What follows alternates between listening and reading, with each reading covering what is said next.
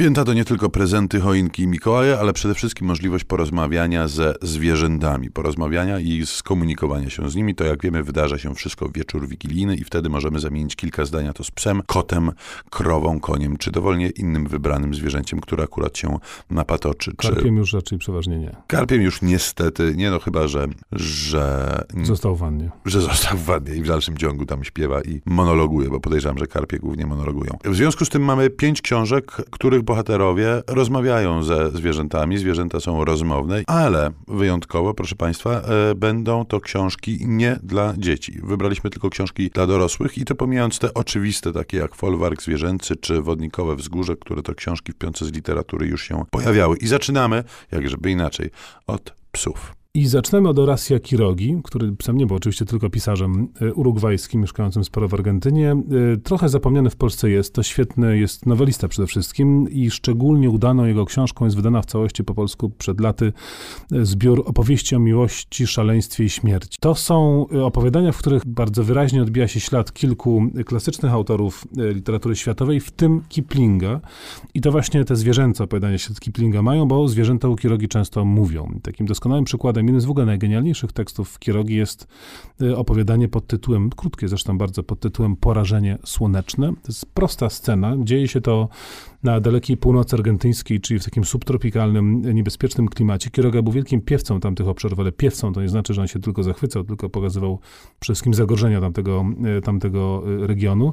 I to jest historia o tym, jak to właściciel, gospodarz wychodzi z, ze swojego domu i przechadza się po, po posesji, a wokół niego kręcą się psy. Te psy ze sobą rozmawiają, psy wymieniają uwagi, ostrzegają też, za, zauważają niebezpieczeństwo, które grozi ich właścicielowi, mówią o tym, że jest bardzo gorąco, że jest bardzo intensywne e, słońce, że on nie powinien ryzykować, nie powinien się wystawiać na zagrożenie, no ale człowiek psów nie rozumie. Psy między sobą dialogują, my czytelnicy te dialogi czytamy, natomiast bohater ludzki nie wie, co się wokół niego dzieje, no i płaci za to najwyższą cenę. Kolejna książka na naszej liście to Na psa urok Spencera Queena i to książka w dalszym ciągu psia. E, dowód na to, że nie trzeba znać mm, psiego języka, a psy nie muszą znać ludzkiego, żeby się porozumiewać. Wystarczy być dobrym znawcą psychologii zwierząt, w tym wypadku psów, i Spencer Quinn na pewno taką osobą jest. Jest to kryminał, dość mm, normalny i e, sztampowy, e, chciałoby się powiedzieć, kryminał, gdyby nie właśnie postać Czeta.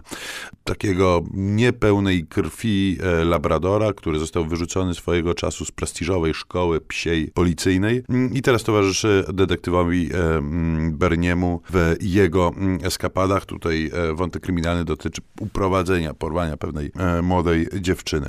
Bernie rzeczywiście rozumie swojego psa, rozumie go świetnie. Mm, Spencer Quinn idealnie oddaje psie monologi, oddaje to, co w głowie się psiej mm, dzieje. To psie ADHD, które jest nam wszystkim przecież znane, jest tutaj świetnie zrobione. Rzeczywiście się wczuwamy w to, jak biedny pies nie jest w stanie skoncentrować się na rzeczach istotnych typu śledztwo kryminalne, bo na przykład widzi gdzieś tam kątem oka kota. No i wszystko diabli biorą, bo kot przecież ważniejszy jest od wszystkiego innego. Ta książka, poza tym, że e, uczy, to e, bawi i myślę, że, je, że bawi nie tylko wielbicieli psich. Myślę, że to wielbiciele psi, czytając tą książkę, sobie myślą, och, jakie to urocze, zupełnie jak mój kochany, i tu pada imię Burka czy innego. Mm, Pepiego. Pepiego. E, natomiast e, ludzie, którzy są uczuleni na psy i nie cierpią i dostają gęsiej skórki na widok e, tych pysków, z których bezustannie toczą się niewyobrażalne ilości śliny, też pewnie świetnie się bawią przy lekturze tej książki, no bo zamiast myśląc rozczuleni, jakie to słodkie i urocze, myślą, co za kompletny idiota. Jak Państwo słyszą, Szymon ma psa. Do rozmów już nie z psami, ale z innymi zwierzętami wrócimy za chwileczkę.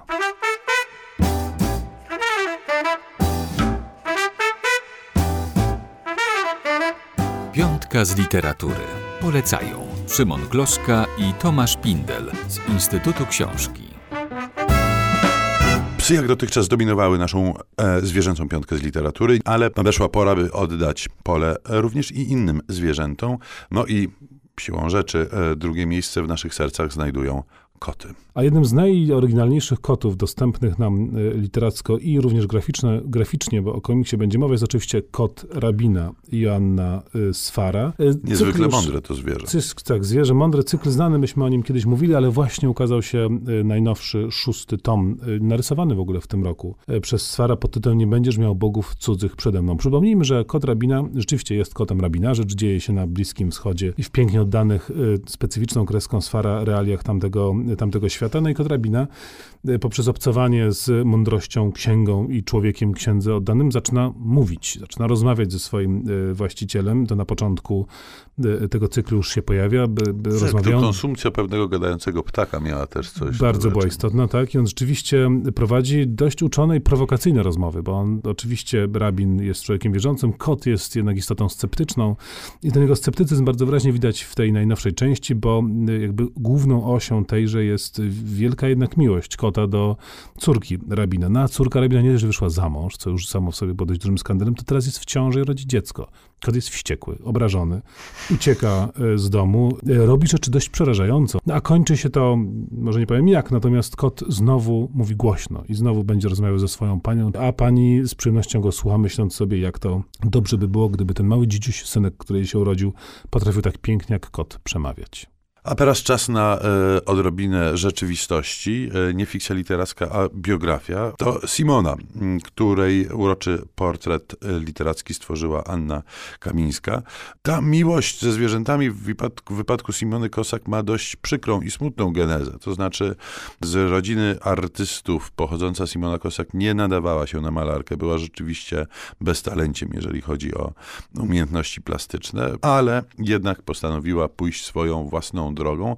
Troszeczkę odtrącona i niechciana jako e, dziecko, komunikowała się głównie ze zwierzętami, których w jej domu rodzinnym było mnóstwo i to z nimi się związała już e, dzieckiem będąc właśnie, by później po przeprowadzce do Białowieży, gdzie w środku puszczy zamieszkała, rzeczywiście zacząć pełnoprawny związek z a to krukiem, a to rysiem, a to dzikiem. Cała plejada zwierząt się przez jej dom przewinęła i rzeczywiście ludzie, którzy mieli okazję ją poznać, z nią porozmawiać i poznać, pewnie już nie porozmawiać, zwierzęta, które jej towarzyszyły, świadczyli o tym, że e, jej talent i jej zrozumienie zwierząt było wprost wyjątkowe. A na koniec rzecz troszeczkę inna, bo tutaj mówimy o rozmawianiu ze zwierzętami, ale bywa tak, że zwierzęta w ogóle przejmują funkcję narratora e, w literaturze, co szczególnie bywa interesujące. I jednym z najulubieńszych moich przykładów jest bez wątpienia Angeli Carter, opowiadanie pod tytułem Kot w butach.